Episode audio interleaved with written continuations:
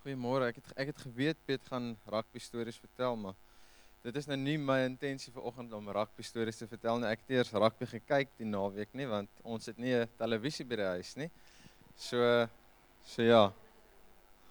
Ehm um, ons ons gesels met mekaar en ons spandeer tyd saam ek en my vrou en die TV is 'n bysaak. Ek wil vanoggend vir julle gedeelte lees uit Jesaja 52 uit.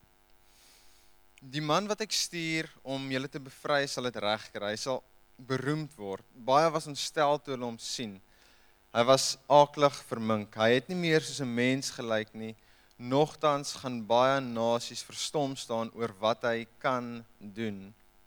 Konings gaan spraakloos wees oor hom. Hulle gaan iets sien waarvan niemand hulle nog ooit vertel het nie. Hulle gaan iets beleef waarvan hulle selfs nog nie eens gehoor het nie. En dan gaan ons aan na 53. Wie het geglo toe toe hulle dit vir ons vertel het? Wie het raak gesien dat die Here is wat dit deur sy dat dit die Here is wat dit deur sy krag doen? Sy dienaar het onverwags na vore gekom.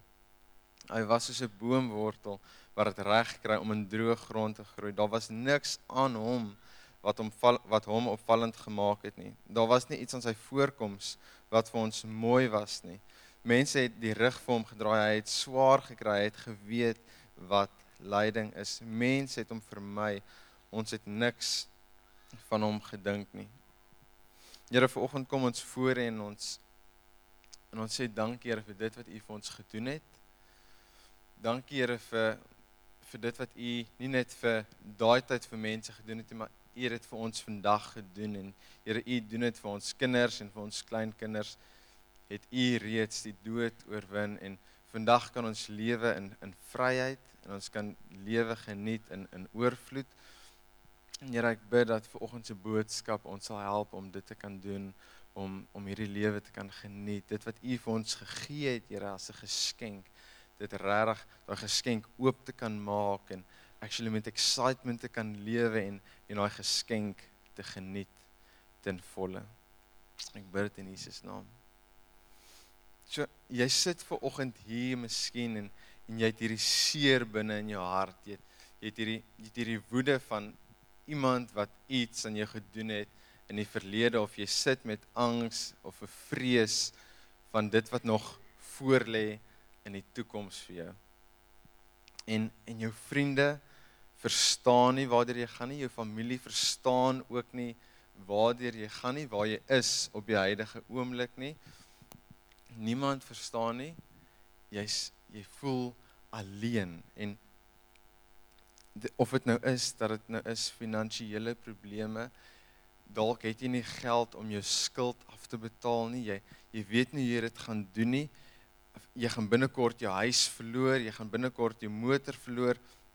Jy gaan niks meer oor het en dalk is dit nie eers dit en dalk is dit jy sit met jou broer of jou suster wat jy al vir jare nie meer gesels nie. Jy het 'n 'n probleem gehad met mekaar en vir jare was dit nog nie uitsorteer gewees nie en in daai tyd het het die Here julle ook nie regtig gehelp nie. Hy het jou nie deur hierdie proses gehelp om of jou broer te vergewe of dat jou broer vir jou vergewe nie en en jy sit sonder geld en en die Here het jou nie gehelp met die geld nie.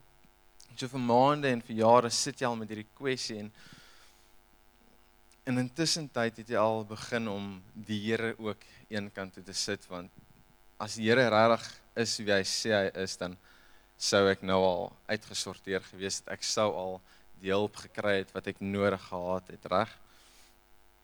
En vir oggend vra ek vir jou, voel jy dalk so voel jy alleen? Voel jy is jy aan daai plek waar waar niemand jou verstaan nie of waar jy dink niemand verstaan jou nie?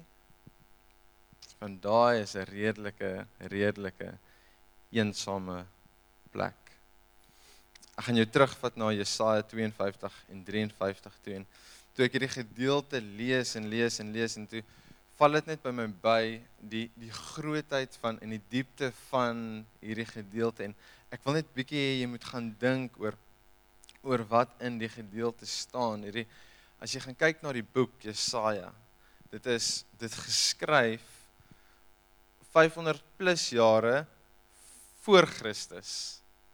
500 plus jaar voor Christus en daar word geskryf van Christus, van dit wat hy gaan doen vir my en vir jou van die lyding waardeur Christus gaan gaan, die seer wat hy gaan kry, hoe mense hulle rug op hom draai en dit is mind blowing. Ek meen, imagine in die 1500s het iemand 'n storie geskryf van jou lewe en hulle sê dit is wat jy gaan doen en dit is wat jy gedoen het.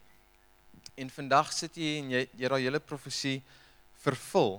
Dit is crazy, maar vir vir oggend vra ek vir jou gaan lees daai stuk by die huis. Dit is 'n hele stuk wat jy moet gaan lees en jy moet dit verstaan en ek verstaan dit nou nog nie. Ek is net soos blown away met hierdie hele idee van dat daar 500 jaar voor Christus al geskryf was van hom. Ek meen die Here het toe al die hele plan gehad hoe hy die wêreld gaan restoreer. So gaan lees dit. Viroggend gaan ek op een spesifieke gedeelte fokus. Die gedeelte wat sê hy het swaar gekry. Hy het geweet wat lyding is. En vir oggend maak nie saak waar jy is in jou lewe nie, maak nie saak waarder jy al gegaan het of waarder jy nog moet gaan nie. Luister na die woorde. Jesus het ook swaar gekry. Jesus weet wat lyding is. En jy sê vir my maar Matthys, Jesus het nie my probleme gehad nie. Hy het nie gesukkel met finansies nie. Hy het nie 'n huis gehad om te ran nie. Hy het nie 'n 'n 'n dogter gehad, 'n tienerdogter wat sukkel met swangerskap nie. Hy het 'n tienerseun gehad wat sukkel met dwelms nie. Hy het nie 'n vrou gehad wat um, nooit by die huis is nie. Hy het nie dieselfde probleme as ek gehad nie. Hy gaan nie verstaan waartoe ek op die oomblik gaan nie. En en dalk is jy reg. Hy hy het nie dieselfde gegaan as wat jy gegaan het nie. Ek meen hy het ander dinge gehad om aan aan te dink. Hy was hy het sy eie probleme gehad. Ek meen hy het mens geword. Die Bybel sê nie Jesus was 'n hemelwesen wat op aarde rond geloop het nie. Jesus was mens gewees en hy het probleme gehad soos wat ek en jy gehad het. Hy het dieselfde dinge gegaan waardeur ons gehad het. Ek meen hy het ook probleme gehad met sy ouers. My vrou vertel vir my die storie waarvan sy hou is hoe hy in die sinagoges gesit het en sy ouers het nie geweet daarvan nie en sy ouers het hom gaan soek en hulle het hom nie altyd verstaan nie. Sy ouers, tieners, verstaan nie altyd het nie daai verstandhouding met hulle ouers altyd nie en Jesus het dieselfde gehad. En as jy gaan kyk, Jesus hulle was nie die rykste gesin gewees wat in daai tyd geleef het nie. Hulle was arm gewees. Ek meen Jesus was in 'n stal gebore. Crazy is dit? Nie in Panorama Hospitaal of Tygerberg Hospitaal of iets soos dit. Hy was in 'n stal gebore. En en sy main mission op aarde was gewees om God se koninkryk te bring vir my en vir jou en die mense. Ons was daai tyd nog nie reg gewees vir dit wat hy vir ons wou bring nie. So hulle het sleg gepraat van hom agter sy rug. Hy was verwerp gewees, hy was geslaan gewees. Mense het op hom gespoeg en hy was heeltemal heeltemal sleg behandel en in sy 30's ten spyte van dit alles. Ek sien in jou 30's is jy jy's op die piek van jou lewe, jy dit is van na 30, ek jammer Piet, na 30 dan gaan jy downwards dink ek, ek weet nie. Maar ek het hierdie gevoel van en en hier sy in sy 30's en en willens en wetens beweeg hy vorentoe en hy sê ek gaan nou my lewe vir julle gee, vir julle wat vir my verwerp, vir julle wat vir my sleg praat agter my rug, vir julle wat my nie wil aanvaar nie, ek gaan nou my lewe gee vir julle. En en ons sê vir onsself, maar God verstaan nie waartoe ek gaan nie. Hy verstaan nie my probleme nie. Hy verstaan nie die angs waarmee ek sit nie want ek het oor 3 weke het ek 'n deadline by die werk en ek gaan dit nie kan doen nie. Soos hoe gaan ek dit doen? Die Here verstaan dit nie. En en ons praat so asof ek en jy God se Jesus se angs verstaan het die oomblik die dag toe hy voor die voordat hy moes gaan sterf het vir ons.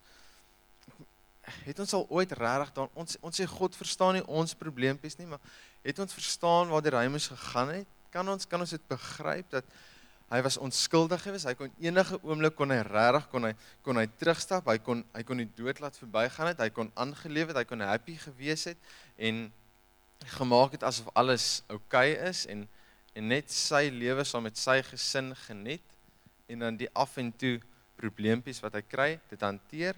Hy kon dit gedoen het, maar hy het nie. En jy sê vir my ek hoor jou, maar my situasie is dood. Daar daar is nie hoop vir my situasie nie. Ek was nou al oral gewees.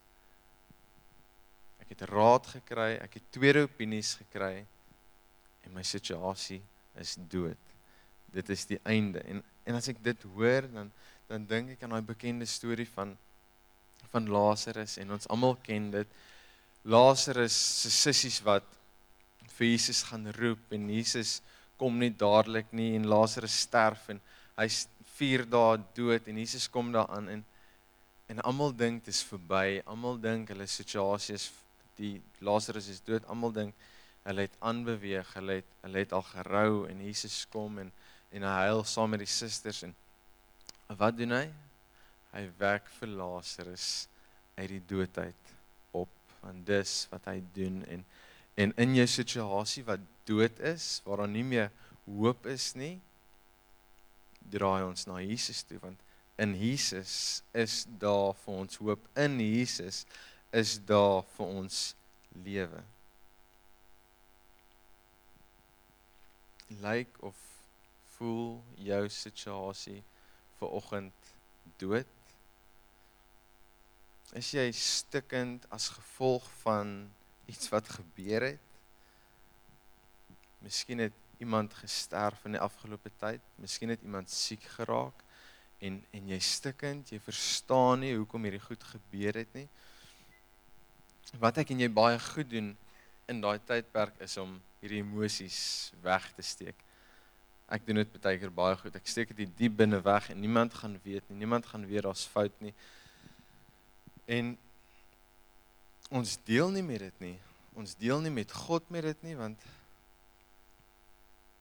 as ek begin met God gesels, gaan ek miskien kwaad raak. Ek gaan miskien woede wys. Ek gaan miskien wys hoe ek regtig voel want God weet mos nie regtig hoe ek voel nie. God gaan miskien teleurgesteld wees in my. Hoekom? Hoe kan jy so voel? Ek gee en gee en gee vir jou, maar nou voel jy nog steeds so? In Hebreërs 4 vers 14 staan die volgende. Dis tot en met 16. Jesus die seun van God is ons groot hoëpriester wat tot by God self gegaan het. Hy sal ons saak by God behartig. Hy is nie iemand wat niks van ons weet en daarom nie simpatie met ons swakhede sal hê nie. Nee, hy het al dieselfde pad as ons geloop en is deur dieselfde versoekings as ons, met die verskil dat hy eenmaal 'n fout gemaak het. Ons hoef dus nie bang te wees of te wonder of ons na God toe mag gaan nie. Ons kan maar gaan want God sal baie goed wees vir ons. Wanneer ons dit nodig het, sal God vir ons meer gee as wat ons verdien en ons met sy liefde omvou. Al lyk dit vir jou of daar geen uitkoms is in jou situasie nie. Die mediese is dalk nog nie so ver gevorderd om om vir jou te help in jou situasie om jou miskien te kan genees nie. Jy sit in 'n in 'n in 'n doodloopstraat op die oomblik. Jy kan nie links nie, jy kan nie regs nie. En jy kan nie vorentoe nie, maar Vanoggend sê ek vir jou, God kan en hy wil vir jou 'n pad vorentoe maak. Hy wil vir jou uitkoms gee. Hy wil daai dooie situasie van jou wil hy vat en hy wil dit lewendig maak. Dawid sê die volgende in Psalm 56 vers 9: U weet deur hoeveel pyn en hartseer ek al is. My trane sal 'n dam volmaak.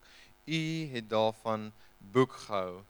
U weet. So, yes, die Here is nie iewers ver en onbewus van jou situasie nie. Die Here was by jou gewees toe jy slegte nuus ontvang het by die dokter. Hy was daar gewees. Hy het jou vasgehou. Toe jy by die werk was en jy daai slegte nuus ontvang by jou baas, hy was daar gewees by jou. Hy het jou vasgehou. Toe jy huis toe gaan, jou deur toe maak, op jou bed gaan lê en huil, hy was langs jou gewees. Hy het saam met jou gehuil. Hy het jou trane vir jou gevang en hy wil jou troos. Hoekom dink jy het Jesus besluit om sy lewe op die ou end van die dag op te gee? Om te sê hier is ek. Ek gaan nie die kruis laat verbygaan nie. Ek gaan sterf. Dit was as gevolg van sy liefde vir my en vir jou. Dit was as gevolg van daai omgee wat hy het oor ons. Hy wil ons vashou. Hy wil ons beskerm. Hy wil homself om jou vou. En hy was lief vir ons. Jesus wou kom en hy wou 'n gebroke wêreld, 'n wêreld wat nie meer 'n verhouding het met God nie, wat nie meer 'n verhouding kan hê met God nie.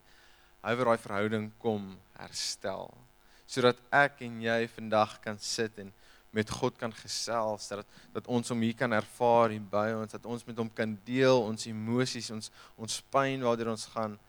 Dis hoekom Jesus gesterf het sodat ons kan lewe. En vandag kan ek en jy sit en ons kan in 'n goeie verhouding met God wees Nou, jy sit ver oggend en jy voel jy voel alleen, jy voel niemand gee om oor jou nie. Jy voel daar's niks wat in jou situasie kan verander nie. Deur sy gees is hy ver oggend hier met jou. En nie net hierso in die gebou ver oggend nie, nie net op 'n Sondagoggend of 'n Sondag aand nie. Daar waar jy stap hier buite oor die pad, hy is met jou. Sy gees is by jou. Jy's nie alleen nie as jy alleen huis toe gaan vandag, jy is nie alleen nie want God is met jou.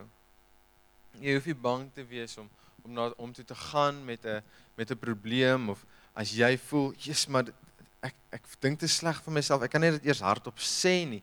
Jy kan dit met God deel want hy verstaan jou. Hy verstaan jou elke emosie. Hy's die persoon wat jou actually aan mekaar gewewe het as jy dit nie geweet het nie. En al wat ek en jy vanoggend moet doen is is om te sê Here, hier is ek. Hier's my hart. Hier's my seer, hier's my pyn, hier's my angs. Dit is waarmee ek sukkel. Dit is waartoe ek gaan op die oomblik. Here, asseblief help my. Jy moet toelaat dat hy in daai gebrokenheid, in daai seer van jou inkom, want dis waar hy wil begin en hy wil vir jou begin heel maak. Hy wil vir jou begin wys maar wie hy is en jy moet hom net toelaat. Het jy al ooit na na iemand toe gestap en en jy sien maar hierdie persoon sukkel. Hy sukkel regtig.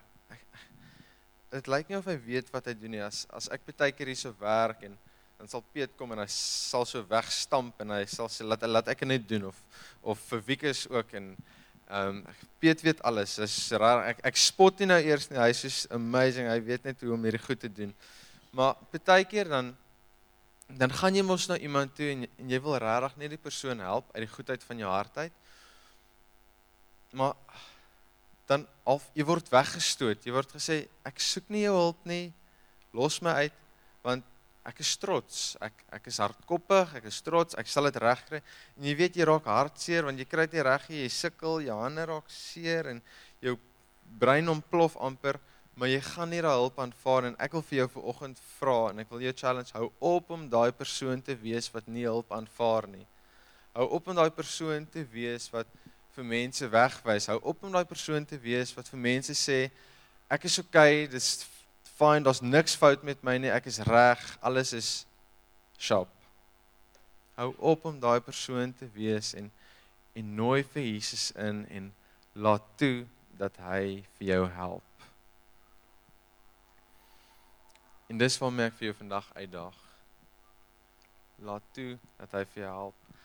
En en terwyl jy hierdie week ingaan, terwyl jy hierdie week begin, vandag begin soos wat jy die Here deel maak van jou situasie, soos wat jy op hom vertrou, wil ek hê jy moet net agteroor sit en kyk hoe die Here jou situasie verander.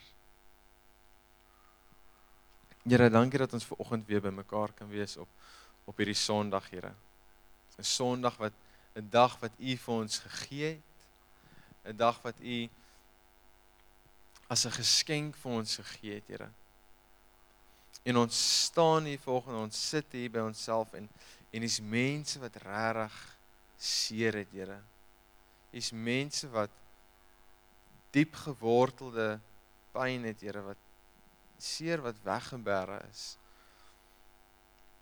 Here, ek vra vir oggend dat dat U kom en maak nie saak wat daai seer is nie, maak nie saak wat daai pyn is nie, Here, dat dat U kom en U herstel, Here, dit wat verkeerd is. U herstel daai gebroke verhouding. Here, U herstel daai siekte, Here, U maak gesond.